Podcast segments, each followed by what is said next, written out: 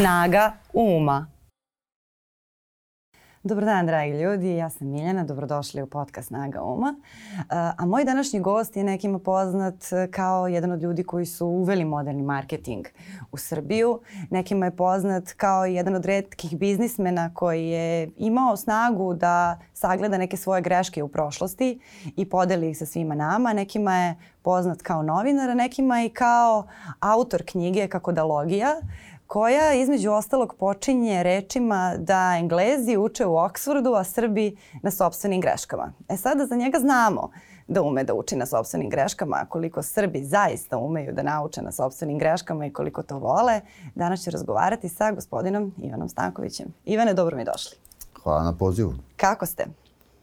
Pa nadam se da će biti dobro posle ovog razgovora. U ovom malom, skromnom studiju. A, ovo je hardware, ljudi su software, prema tome ajde da napravimo od ovog malog studija veliku emisiju. Evo, trudimo se, trudimo se da već počnemo. neko vreme. E, kako vam se čini ovo prvo pitanje koje smo pokrenuli? Koliko vam Srbi zaista uče na svojim greškama? Pa, nažalost, nedovoljno.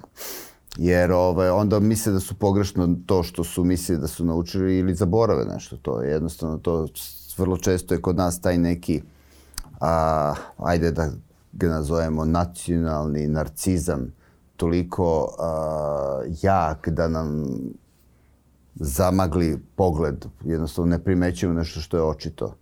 Drugo, ovaj, da bi učio na svojim greškama, treba prvo sebi da priznaš svoju grešku, što je opet teško sa uh, ukoliko imaš dosta veliku količinu sobstvenog ega. Tako da to je uvek onako lepo zvuči, ali nažalost ne, ne primenjuje se dovoljno. Ima, tu bi iskoristio jedan citat, ja mislim da je to Vuk Drašković rekao, kaže, e, Srbi nikad nisu propustili priliku da propuste priliku. I to je ono što dovoljno govori o našoj spremnosti da učimo na sobstvenim greškama. A ste vi nekad propustili priliku da propustite priliku? Uvek. To je normalno, to je imanentno kod svih nas da propustimo priliku, da kažeš ja što nisam to, a trebao sam i tako dalje. Ali ovaj, sastavni deo života i sada to je pitanje tvog odnosa prema sebi, prema sobstvenim greškama, da li ćeš imati snage da kažeš nisam savršen ili nešto sam pogrešio i da to priznaš da li javno, da li tajno. I to je vrlo individualno. E, kada neko ko je uspešan biznismen sa turbulentnom karijerom u interesantnim vremenima kao što ste vi, e, naročito obzirom na činjenicu da ste već govorili e, i o velikom usponu i velikom padu vaše agencije, o svim greškama i naucim, prosto naucima iz tog perioda, napiše knjigu. Obično se tu očekuje da to bude onako neka knjiga po uzoru na ove svetske gurue marketinga gde će nam ljudi govoriti govoriti šta treba da radimo, kako da se bolje informišemo prosto o tom poslu ili o poslu, knjiga u kojoj ćemo dobiti neke korisne savete za život i posao, što vaša knjiga jeste, ali je mnogo više od toga. Ona je i e, lična ispovest e, i ispovest o jednoj, da kažem, jednom delu naše ekonomske istorije koja je vrlo problematična tokom 90. godina. Ja dok sam čitala vašu knjigu, na mene je najveći utisak ostavio taj moment e, 90-ih iz ugla biznismena koji nisu bili ratni profiteri, ljudi koji su bili uspešni pre nego što se desilo sve ružno na ovim prostorima i kojima se odjednom Uh, da kažem, potpuno ceo život promenio, da danas idete, ne znam, privatnim avionom na sastanke i deo ste normalnog sveta, sutra morate da čekate uh, 13 sati na granici i da ne znate da li će vas neki carinik pustiti da odete na poslovni sastanak. To je onako jedna velika kriza identiteta, naročito za čoveka koji misli da je sve ostvario, da mu je sve dato. Sada me zanima kako, pošto ste u knjizi govorili o ovim tehničkim stvarima, zanima me koliko je to vas stvarno potreslo i uh, kakve su vam osjećaj danas kada se setite tog vremena? Ovo je vrlo dugačko pitanje koje ima 12 podpitanja. Pa razgovor tako da, je, da. nije klasično pitanje, podcast je kao, može da prođe. Može da prođe. Može da prođe ne, podcast. Pa ne znam kojim, to, kojim prvim to. delom pitanja da, da se bavi. Da, da smo u jutarnjem programu bilo bi problematično, ali ovako kao časkamo uz kafu, tako da mo, mo, može da prođe. Morala sam malo uvoda da dam. Pa ajde ovako, uh, ima deo uh, vezan za samu knjigu. Uh, dosta ljudi koji pišu svoje biografije, o tim nekim svojim pričama su vrlo pretenciozni i pokušavaju da pokažu da su strašno pametni. Jer žele da ostave nešto svojima, da se, da se i na taj način uh, ostvare na neki način. Evo vidiš, ja sam napisao moje sabrano delo i to je fantastično. Djeci da ostavim to. E, ja sam totalno operisan od bilo kakve pretencioznosti i najviše volim da se sprdam sa sobstvenim slabostima. Sad, bilo bi lepo da sam ja, da ja kažem da sam ja ovu knjigu osmišljavao i hteo da napišem i tako dalje. Totalno i slučajno je došla knjiga, kao mnogo stvari u životu što su mi došle slučajno. Sticam okolnosti, uh, uh, grupa bivših direktora Sačija je pre deseta godina otišla u penziju ili su ih otpustili jer su suviše bili skupi i tako dalje i u zaludom vremenu su uh, rešili da pišu zabavnu uh, antologiju Sačija 90. godina. I setili su se mene, ovaj, to su Englezi, Amerikanci, znači to koji su vodili Sači na globalnom nivou, I setili su se mene jer sam ja na svim tim sastancima direktora uh, uvek su me zvali da imam neku prezentaciju kako je voditi agenciju doba sankcija, rata, hiperinflacije i svega toga. I ja sam to uz, iskorišćavao kao a, priliku da im nešto interesantno, lepo, prijatno i zabavno kažem. Tako da ja smatram da je smeh vrlo delotvoran, da se mnogo toga može preko smeha rešiti. Tako da su to bile interesantne prezentacije koje su se bavile tehničkim stvarima kako voditi agencije u, u zemlji gde nemaš robu da prodaješ. I oni su se setili toga i rekli su ajde da napraviš ti dve, tri priče o tome. Ja sam napravio da još jedno ovo ono i rekli su super je ta priča. Ja sam bio zadovoljan kako sam te neke zabavne priče koje su kasnije postale deo ove knjige. I onda sam razgovarao sa mojim kolegom koji je bio direktor studio marketing dele u Ljubljani, Jernej Repošan, koji je, kad sam mu ispričao to, on kaže, pa vidi, ti moraš da napraviš tu knjigu. Kako da napravim tu knjigu? Pa kaže, ti si učestvovao u stvaranju moderne reklamnog tržišta u bivšoj Jugoslaviji. To je fantastična prilika. Napravi to. Ja sam rekao, vidi, tada je Dobrica Ćosić već bio pri kraju života. Rekao, ostvara se mesto za jednog velikog književnika ovaj, sad ću ja da to uradim. I krenuo sam da pretencijozno pišem, znači da napravim neki plan, pa ću krenuti, zašto sam ja da odavde, pa kako sam to radio i tako dalje. I nisam mogao da pročitam to što sam napisao jer je bilo loše. I to mi je bilo, čekaj, ovo sam tri divne priče napisao, a ovo je tako dosadno. I nisam znao šta da radim. I tada je e, kod nas u agenciji radio ovaj, e, Slavoljub Stanković, nije mi rođak, ali je odličan pisac bio je copywriter i ja s njim razgovaram, kaže šta je problem? Pa rekao, nisu dobre priče, dosadne su, onako sterilno. Ja sam tek krenuo kako sam bio mali, pa šta sam školo, pa ovo, ono, pa neke te stvari počnu da pričam. Kaže, ajde piši šta ti je najinteresantnije, kako šta mi je, šta je tebi najinteresantnije, priču po priču, priču po priču. I tako sam počeo da pišem uh, i sve što sam izbacio, uh, to je bilo nešto što je ostalo. Samo su neke reči promijenjene. Znači ja sam to svakog dana posle posla oko 5, od 5 do 7 sednem ispod kompjutora, zatvorim oči i kucam. Te, I te, teku mi misli tako. Tako da ovaj knjiga nije pretenciozna zato što a, a, je pokušaj moje pretencioznosti neslavno se završio. Nije pretenciozna i ne treba da... Pa nije isto biti uzbuđen i uzbudljiv. Slažem se. A pretenciozan čovjek je uvek uzbuđen, tako da ne može biti uzbudljiv na kraju dana uglavnom. O, I to je jedna lekcija iz pisanja koju je svima nama često davao jedan naš dragi pokojni kolega. Tako da na tom polju ste verovatno uspeli. A zanima me sada da se vratimo na, na ovaj deo jer je meni bila veoma zanimljiva ta paralela do koje mere e, se razlikuje vaša knjiga, od knjiga možda nekih vaših kolega iz tih zemalja sa kojima ste sređivali, možda Engleske ili Amerike i tako dalje, koji su eto, rešili da podele svoje biznis lekcije.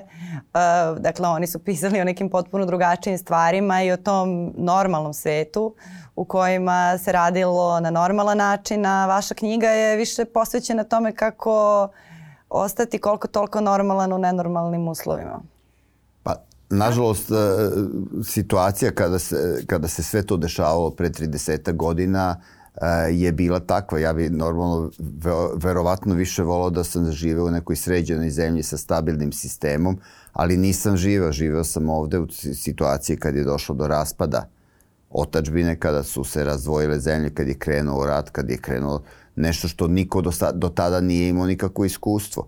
I sad u toj situaciji imaš dve opcije, play or die, znači ili se bori ili uh, si gotov. Mm -hmm. Ja uvek pokušavam da vidim nešto uh, pozitivno, nešto da, da, da, da uradim, tako da sam uh, sa pokojnim partnerom Draganom Sakanom, mi smo odlučili da se borimo i to je bila ta priča. Nismo imali ambicije da sad pravimo region, nego je to bilo pitanje, jel možete uh, kad se odvojila Slovenija, imamo Master Foods, Mars, Procter Gamble, hoće da imaju kampanju u Sloveniji, jel može? Kako da ne?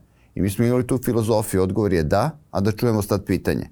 I to je odlična filozofija, to sam kasnije našao kod ovoga Richarda Bransona koji isto tu ovaj, uh, filozofiju imao i to je recimo uh, takva filozofija za te preduzetnike karakteristična. Znači ti jednostavno imaš uh, to je jedna isto moguća definicija ovaj, uh, neki, ljude, neki ljudi vide uh, priliku u svakom problemu, a neki ljudi, drugi ljudi vide problem u svakoj prilici.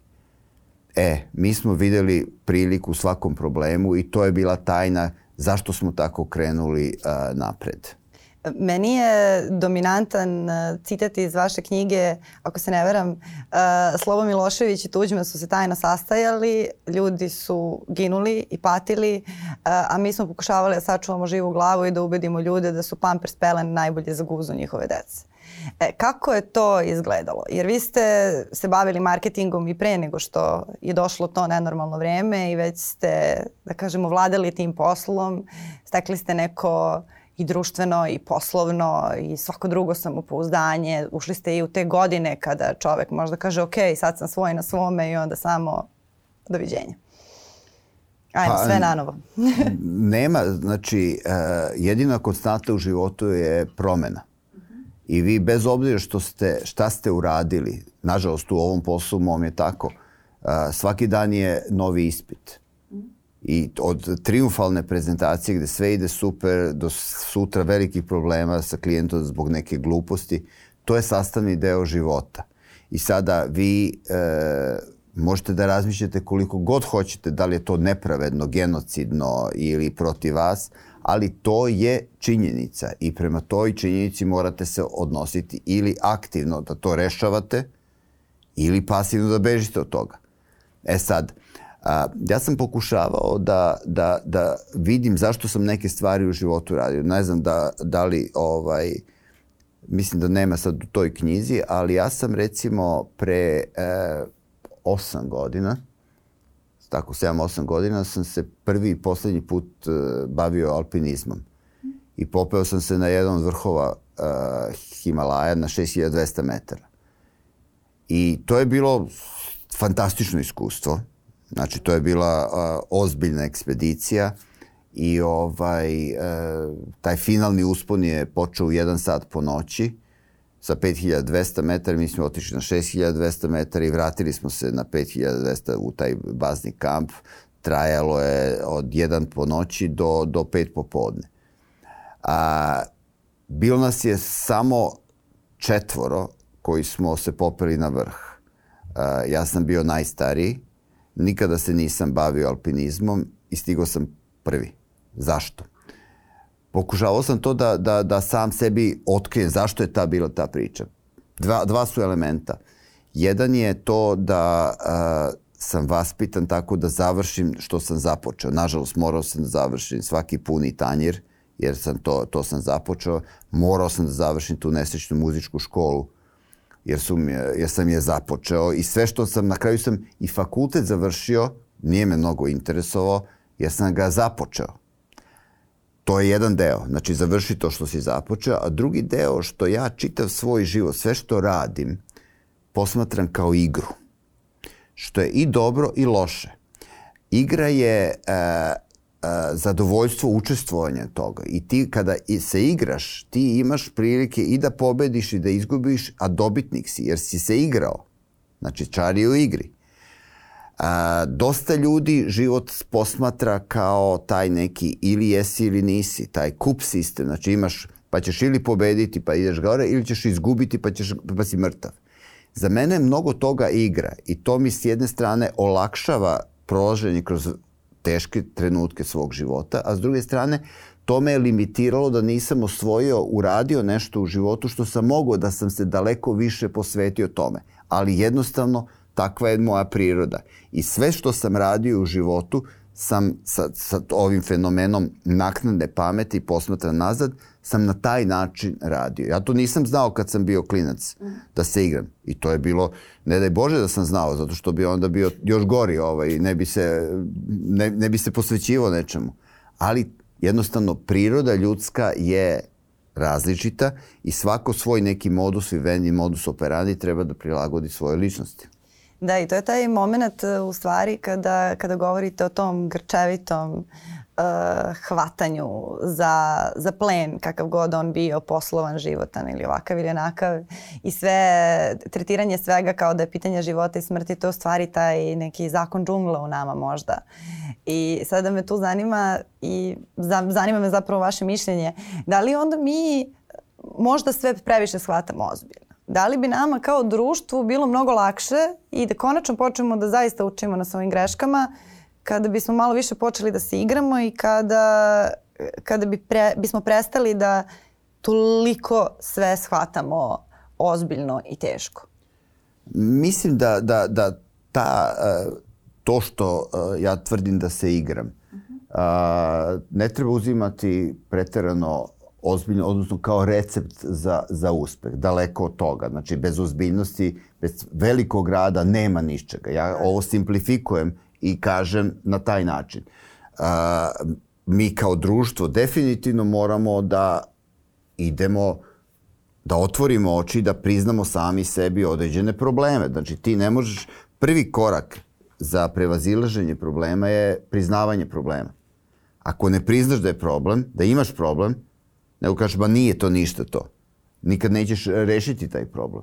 Prema tome, introspekcija je strašno bitna i suočavanje sa realnim nekim parametrima da bi se na osnovu tih realnih parametra videli šta je šta bismo voleli, želeli i šta bismo mogli da uradimo u krajnjem slučaju. To, zavisi, ne, to ne zavisi samo od nas. E, u trenutku kada je vaša agencija uh, doživala, da kažem, taj krah i kada je taj krah počeo. E, koliko ste zaposlenih imali tada? Mislim da je to da bio 250, ja mislim da smo ukupno u svim zemljama imali zaposlenih. To je bilo 250 e, zaposlenih i vi ste tada ušli u tu situaciju da prvi put treba da počnete sebi da ovaj, objašnjavate svoju grešku i da je prihvatate i tada ste uh, možda bili prvi put na toj zaista ozbiljnoj raskrsnici, hoću li krenuti tim putem egomanije i zauvek kriviti druge ili ću prihvatiti se ili ću prihvatiti odgovornost i nešto promeniti, ako sam dobro razumela. Kada voda počne da ulazi u brod, vi ne, ne, nemate vremena da mislite o nepravednosti tog ulaska gore pomenute vode u taj brod, nego se spašavate i sebe i svoj brod i, i svoju porodicu, sve prijatelje i sve te stvari. Znači vi naknadno možete da e, gledate zašto je ta voda ušla u brod i onda da donosite neke zaključke. Mi u tom trenutku kada smo a, a, shvatili da, da a, nije tako kao što nam knjige kažu, nego da je daleko lošije, smo se fokusirali na spašavanje zaposlenih biznisa i saniranje tih dugova. I to je nešto što u tom trenutku je naj, najdelotvornije. Moj mozak funkcioniše na taj način. Znači, kad je problem, a, a, ja se samo fokusiram na rešavanje tog problema. Ne ulazim u a, filozofske rasprave, da li je u redu da se taj problem pojavio, zašto baš meni, zašto baš na ovaj dan, šta taj problem ima protiv mene, gde dosta ljudi gubi energiju, svađajući se sa problemom. Da kažem jednu, jednu uh, simplifikaciju, uh, koju često koristim. Znači, uh, svi smo mi različiti. Ja govorim nešto sa svog stanovišta, uh, što je za mene ok, za nekog drugog nije ok, za nekog trećeg apsolutno je kontraindikovano. I sada, da uzmemo metaforu krivih trina. Znači, kao krive drine kao metafora problema koji ti nalaze u životu. I sada kada ideš, svi mi na, na, na, nađemo na neku krivu drinu. I sad različiti su ljudi, različiti se ljudi različito ponašaju kad dođu do krive drine. Imaš neke koji dođu i plaču zašto si kriva drina tu došla. Drugi se svađaju sa krivom drinom. Treći optužuju Vatikansko kominterno i bilo koga ovaj, e, da je to genocidni napad. Četvrti e, dođu i, i, i, i naprave e, samoubistvo na tom kraju. Peti rade ovo šesti i tako dalje. Veliki ljudi se trude da isprave tu krivu drinu. A ja nisam veliki čovek, na sreću ili na žalost. Ja se trudim da pređem na drugu stranu te krive drine gde je najplića i najuža i da povedem svoje ljude sa njima. I sada, a, različiti smo ljudi. Zavisi zašto si rođen. Ako si rođen da ispravljaš krive, daj Bože da ima što više ljudi koji su rođeni da ispriv, isp, isp, ispravljaju tu krivu drinu. Mi mali ljudi se trudimo da budemo veliki mali čovek e, i da pređemo tu krivu drinu na neku drugu stranu. A, ako si veliki čovek, to ne znači da si i stvarno veliki kao ljudsko biće. Mi imamo situaciju da je recimo jedan od najvećih e, ljudi današnjice Steve Jobs koji je e, revolucionisao nama život izmišljavanjem raznih stvari od e, Macintosha kao operativnog sistema koji je sasvim dru, totalno promenio ovaj, e, svet sa ličnim kompjuterima do iPhona koji nam je svima izmenio živote. E, on je bio veliki čovek, ali je bio đubrao čovek, ako ste čitali njega biografiju ovaj, koju je Isaacson pisao njemu. Znači, koji je bio užasno, užasno loš prema svima, prema svojoj čerki koji je dobio nije hteo da je prizna do, ne znam, koje 10. 12. 14. godine, o, bezobzirno je gazdio po ljudima i tako dalje. On je znači bio veliki, mali čovjek, a ja se trudim da budem tako nešto. Mali veliki Mali čovjek. veliki čovjek. Tako da to je, to je Da nešto. to, to važi, to se go, govori i za Alberta Einsteina i za, za ljude koji su Dosta čak veliki imali broj. da mnogo veći doprinos, da kažem, svetskoj nauci i svemu i nije, nije ništa čudno, ali mi imamo tu sklonost da idealizujemo ljude i da Normalno. ih tretiramo kao likove iz stripova. Jedna od velikih problema je kad upoznaš svog idola. I to onda shvatiš u stvari da su idoli ljudi od krvi i mesa vrlo često sasvim drugčiji od onih kakvi si ih zamišljaju. A ako ste sami sebi svoj idol, pa onda upoznate svog idola i shvatite da je onda ono si, čo... Ako si sam sebi svoj idol, onda si pod ozbiljnom dijagnozom. Da. Znači, to je ono, direktan put u propast. E, šta ste vi zaključili da su vaše greške koje su vas e, dovele do tog e, do tog, da kažem, velikog poslovnog problema koji ste imali sa agencijom i iz kog ste isplivali? Brojne, to nema, ne, ne, nema dovoljno vremena. Ovaj, pa, Ali ajde da pokažemo kako se priča o svojim greškama u praksi. Znači imamo drešk, ge, gre, greške kao kompanije i greške moje. Vaše. Koje su, znači, a, moje tu je, ja sam tu naveo u knjizi nešto što sam a, nazvao mekomudost, da izvinete. E, I definisao kao svoju neku slabost e, koja a, nije, znači ja sam kod sebe video to da a, ne volim konflikte i da pokušavam da a, neke stvari rešavam mi, mimo toga. Vrlo često sam se povlačio u nekim odnosima, nisam postavljao neke, neke parametre koji bi bili tu i na kraju ti gubiš uh, samopoštovanje uh, povlačenjem. Znači, I to je vrlo uh, loša situacija. I onda sam to ovaj verbalizovao na taj način da sam rekao da je uh, u životu bitnije, da je strašno bitno postavljati granice, a ne podvući crtu. Vrlo često ljudi ne, ja sam to radio, znači nisam postavljao granice, nego sam se povlačio, na kraju sam povu, podvukao crtu koja je ovaj bila uh, finalna da, da, da je ovaj uh, naša agencija to, to je bio kraj gde smo se nas dvojica uh, uh, razdelili. To je važno samo da, da napravimo paralelu i generalno za međuljudske odnose. Kada trpite sve što vam se ne dopada, ne komunicirate sa drugom osobom te stvari i onda vam prekipi, samo odete, onda i ta druga osoba zbunjena zašto nešto niste rekli ranije, to je mislim mnogo zdrava lekcija za sve aspekte života, ne samo za poslovni. Za sve, apsolutno, ali to je opet karakterna uh, crta ličnosti, ja to primećujem kod sebe i onda kada primetim to kod sebe, onda se lupim po prstima i pokušam da, da, da to ispravim na taj način, da uradim nešto, da pokušam da postavim granicu.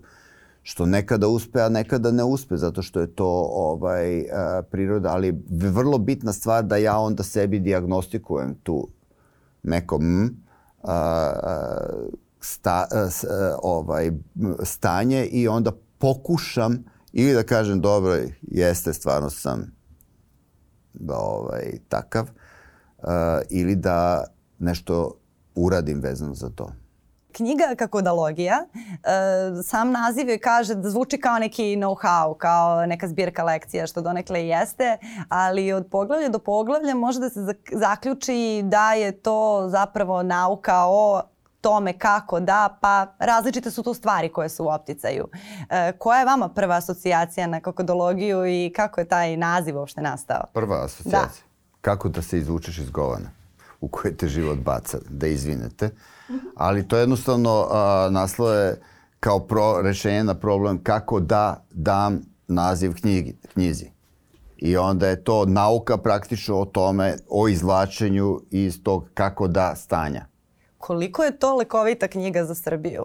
Jer ovde se čini da je nekako postala sveta veština zapravo uh, veština plivanja u tim istim soproštenjem govnima što ste rekli, ali uz neku mogućnost da se ne isprljamo previše, da koliko toliko ostanemo prepoznatljivi sebi. Da li bi to izlačenje onda bilo krajnje izlačenje? Ima tu još jedna, jedna uh, daleko ovaj, uh, popularnija disciplina, to je rektalni alpinizam i imate ovaj, dosta veliki broj ljudi koji su naročito na nekim segmentima a, moći koji su fantastični rektalni alpinisti i strašno su zabrinuti da li će ovaj, ta osoba jesti nešto ljuto jer onda je malo život počinje da biva težak.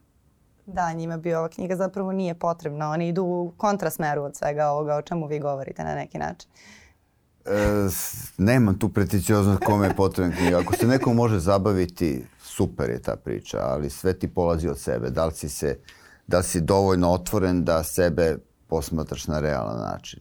I da ušte postaviš pitanje kako da se izvučem iz čega god. Upravo to i gdje sam tu ja, gdje sam ja pogrešio, šta sam ja pogrešno uradio i to je, to je jedina osoba na svetu na kojoj imaš uticaj si ti. Ja na svoju decu nemam uticaj Znači, što sam imao, imao sam. Znači, jedino mogu sebe da menjam i to je jedna poruka koja bi trebao svako od nas da ima. Radi na sebi. To je velika poruka. A kako ste se vi osjećali u tom periodu? Veoma me to zanima zato što mislim da većina ljudi koji su zaposleni e, imaju susret svakodnevni maltene sa ljudima koji su na različitim pozicijama moći što u okviru tih poslovnih okruženja, što u političkim varijantama. I znamo do koje mere moć i novac e, zaista pojačaju tu suetu koja je neprijatelj svake mentalne stabilnosti. I onda kada se to oduzme, kako je to izgledalo na, na nivou održavanja Pa imamo tu dva dela tog pitanja. Jedno je e, kako sam se ja osjećao kad smo izgubili tu, kad je čitava ta priča krenula. To je poglavlje u knjizi Dotako sam dno života, što je vrlo onako bolna priča. Jedna velika kletva da Bog da imao pa nemao, odjednom se sunovratiš i to je javno poniženje, to je užas, užasno, užasno teška priča i, i nikome ne bi preporučio da doživi. Znači, to se uglavnom drugima dešava, ali kad se tebi dešava, onda kukulele. A za drugi deo o, pitanja sam zaboravio koji je bio drugi deo pitanja. Sad sam i ja zaboravila. Zbog, to, zbog toga je dobar podcast, možemo samo da, da nastavimo da, da razgovaramo. Onda kao, kao slično da, da kao, nešto. Ka, kao na kafi. Pa kako je, to, kako je to kod vas izgledalo, ceo taj, ceo taj proces? Da li ste uspeli da sagledate svoju suetu e, iz nekog drugog ugla? U tom trenutku, opet kažem, znači, e, ti si fokusiran na spašavanje sebe, drugih, svega toga i jednostavno uh, toneš u jedan očaj. a, gde se suočavaš sa svim svojim de, demonima. To je javno, znači to, to je, meni se činilo kad smo, ovaj, pošto smo mi stvarno bili vrlo časni ljudi, znači nismo ušli u posao da prevarimo nekoga i znači kada se treba nešto platiti, obavezno se to plaća, ne gleda se da se to nešto izvrda i odjednom smo bili u situaciji da nemamo to da platimo i da jednostavno onda pokušavamo da da a, vidimo kako ćemo se izvući iz toga i to je stvarno ovaj bilo katastrofalno vreme i tada sam naučio recimo na, najveća naša greška je bila to što smo sami pokušali da se vadimo. A, postoje profesionalci koji to rade i kojima je to nije problem da kaže rođače nema para. To je prva stvar, nećeš ništa dobiti, ajde vidimo šta možemo da se dogovorimo. Znači, gledam sada kako neki od ovih tajkuna kupuju te dugove što su dužni za 10-20% vrednosti od nominalne vrednosti duga. Znači, mi smo dobili najveći 5% otpis tog duga za, i bili smo srećni jer nam je bio blam da kažemo da nema para da radimo. I to je stvar koju smo naučili nikad samo, sam sebe nemoj lečiti. Dobro, ali to je isto, isto kada ste pioniri, nemate tuđe primere iz, koji, iz čih možete da učite. Vi ste bili prvi i u tome ili niste? A, vi, a, mislim da je tu prvenstveno a, pobedila taj neki naš subjektivni osjećaj a, poraza i blama, javnog blama, gde a, te, nas je bilo sramota da verbalizujemo i nama to da smo pukli. I to je ta prvi, zato je prvi korak za prevazilaženje problema, priznavanje problema. I mi smo se toliko to preznojavali kao da kažemo da nema para i tako dalje. Tako da to je recimo nešto to subjektivno kako smo mi to uh, krenuli i na osnovu toga sam ja naučio prvi korak za prevazilaženje problema. Priznaj da imaš problem. Pa dobro, to je važna lekcija. Vi sada kažete da je ne biste preporučili, ali boga mi uh, takve stvari i takve lekcije, nekada takvi preokreti u životu mogu i da spasu čoveku dušu, jer nikada ne znate koliko biste možda zalutali sutra u neku bahatost ili tako dalje. Da... A, taj drugi deo, to je taj drugi deo pitanja. Znači, a, a, a, ja strašno vodim računa da a, ne zloupotrebim neku moć koju imam, koja kod mene na minimalnom nekom nivou a, gde mogu da nekog usrećim ili ne unesrećim. A, dosta ljudi koji su moćni e, sebe leče na taj način što nekoga maltretiraju. Da li će to biti kelner u kafani pa će ga nešto zezati, da li će to biti neki njegov zaposleni, da li će biti neko treći, ali jednostavno to je užasna stvar, ja se stvarno ježim toga i to je suština da ti sebe moraš kada se loše osjećaš da druge zaštitiš od sebe o svoje neke te ponašanje koje tebe i mogu da budu. Uh, imaš ljude koji uh, uh, leče svoje frustracije upravo iživljavanje nad zaposlenim, pa to je neki mobbing. Ja sam to nazvao, ima ovaj, uh, IMS, Instant Mood Switcher, znači imaš, uh, uh, on je dosta neraspoložen, ali je izdrao se na nekoga, otpustio nekoga i odmah se daleko bolje osjeća jer je dobio neko pot, samo potvrdu za ego. I to je već jedna dosta ozbiljna psihopatološka ovaj, situacija. Ja se stvarno maksimalno trudim da, da nikada, nikada, nikada ne zloupotrebim neku svoju moć, jer to je već za mene jednostavno devastacija neke moje ličnosti. Ja mislim da bi to bio kraj moje neke ličnosti. Dobro, to, to uglavnom zavisi od karaktera. Da, ljudi to, to, to ili imaju u sebi, to je na nivou nagona. To, ljudi koji to nemaju u sebi uglavnom govore kako se strašno trude da nikada ne zloupotrebe, a zapravo nisu nasilnici. Džukili, džukilizam je ovaj, prisutan. džukilizam je prisutan, jeste, da, i često se kod nas i gaji i zbog toga su meni dragoceni i ovakvi razgovori i ovakvi sadržaji u kojima možemo da napravimo jedan otklon od, to, od toga i da nazovemo te stvari pravim imenom E, baš zbog toga što je toliko prisutan e, i u svim tim mikrookruženjima i u svim firmama, ljudi se lako naviknu na džukelizam kad ga trpe. Pa pogotovo kad je strah. Znači ti imaš ovaj, kod nas u, u narodu ti imaš taj neki domaćin, strogali pravedan, taj koji uh, brutalan je, svi ga se boje, to je jednostavno taj, kod nas u, u, u narodu je arhetip, da ne kažemo... Gazda kuće. Gazda kuće, gazda grada, gazda sreza, gazda države, gazda ovog, gazda ovog, koga jednostavno... Mi nismo još, uh, po meni, dovoljno uh, zreli za neke demokratske ovaj procese zato što ipak demokratija se uči mi krat, kratak period smo ovaj bili bez uh, neke čvrste čizme koja nas je gazila. Je li to upravo zbog tog romantičnog odnosa prema konceptu gazde? Pa ne znam, znači demokratija treba da ima neku tradiciju. Vi pogledajte, u Engleskoj demokratija se vekovima uči iz generacije u generaciju neke se pravila ponašaju. I opet imate s druge strane Rusiju gde su taj kmetski, isto taj neki oligarski pristup je apsolutno normalan. Ako ste gledali neke, čitali ruske istorijske knjige, ti si imao vrlo veliku e, podelu na gazdu, šefa koji može da uradi šta god hoće, bez, ikak, bez ikakve kontrole. I taj neki podanički e, mentalitet nekih naroda je ovaj posledica upravo toga. Vi sada delujete kao baš zadovoljan čovjek. Je li jeste? O, kako filozofsko pitanje za kraj. Ovaj. Šta je za, zadovoljan? Znači, čovjek je zadovoljan... Pa šta je vama zadovoljan, onda to, ako ste vi, to je onda va, vaša kategorija, vaša merna jedinica. A,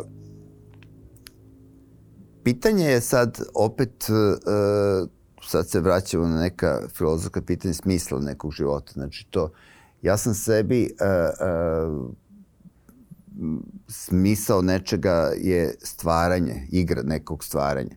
S druge strane, a, privilegija, bogatstvo velika je ta porodica koju ja imam, a, svi moji prijatelji i to je nešto što je ovaj, na srpskom rečeno priceless, je li tako? ali... Uh, Živite sa suprugom, uh, imate dve čerke. Imam četvoro dece. Četvoro dece. Da, četvoro dece. Pet mačaka i dvoje I kučića. I dva psa. Svaka čast. Da, i uh, određeni krug prijatelja sa koji, koji mi baš puno znače, zato što smo vrlo bliski i pomažemo se. Tako da ovaj, to je zadovoljstvo sreće. Sad, da li si zadovoljan sa, uh, uh, sa sobom u svih tih situacijama. Normalno da nisi, uvek imaš nešto da promeniš, uvek si mogao nešto bolje, uvek si trebao nešto drugčije da uradiš, nekoga možda da na drugi način tretiraš i tako dalje, ali jednostavno posmatraš sebe, ži, živiš, ideš uh, otvorenih očiju kroz život i nadaš se da ćeš uraditi nešto dobro. Dobro, to je onaj put o kom ste govorili? E, to je recimo da neka poruka da je, e, ja kad sam se popeo na, te, te, na taj vrh Himalaja, ovaj, ja bih volao da sam, da mogu sada da kažem, ja kad sam ot, otkrio to, ja sam dobio nove vidike, video sam gde sam grešio, počeo sam sebe drugčije da spoznajem i tako dalje. Međutim, ništa od toga, jer sam ja, vrh je 2-3 kvadratna metra i dole su strmopizdine neke par stotina metara. Ja nisam smeo da ustanem na tom vrhu. Ovaj, I jedino sam tada mislio kako ću da se vratim. I onda tu mi je pala na pamet uh, ona fantastična pesma Žika i Babe što pevaju Kometero da, da te volim. Ja sam počeo da pevam iz muke Kometero da se pentram. I, ovaj, I onda sam shvatio stvari da je jedna stvar popeti se, a druga stvar je bezbedno sići. A u životu a, taj cilj osva, osvajanja nek, nečega je u stvari a, e, bitan da znaš gde da ideš, a lepota života jeste u tom putu dok ne dođeš do tog, jer je cilj samo a, sredstvo da se doživi put. To je Egziperi pisao u Malom princu, znači stvari je u putu i e, tužni su, nesrećni su ljudi koji su ostvarili sve svoje ciljeve, koji nemaju svoje snove, koje, i ne doti Bog da si ostvario svoje ciljeve. Mi, početak kraja našeg sačija je bio kad smo mi ostvarili tri cilja koje smo postavili, da smo najveći, najkreativniji i najprofitabilniji, a nismo imali neke nove. Tako da uvek, spa, uvek sanjajte otvorenih oči i imajte ciljeve. Hvala vam mnogo na ovom razgovoru. Nadam se da vam je bilo prijetno. Meni je bilo prijetno sebe da slušam, samo da li će drugima biti prijetno da mene slušaju, to ćemo vidjeti sigurno. po gledanosti. Meni je bilo prijetno, verujem da obično, obično to ide zajedno, znate i sami kako je. Hvala na lepim pitanjima i strpljenju. Hvala vama na vremenoj pažnji. Sa mnom je danas ovde razgovarao gospodin Ivan Stanković, čuli ste ga učite na svim greškama i svojim i tuđim, bolje nego da ne naučite ništa. A mi smo tu i sledećeg ponedeljka na Nova. Prijetno. Thank you.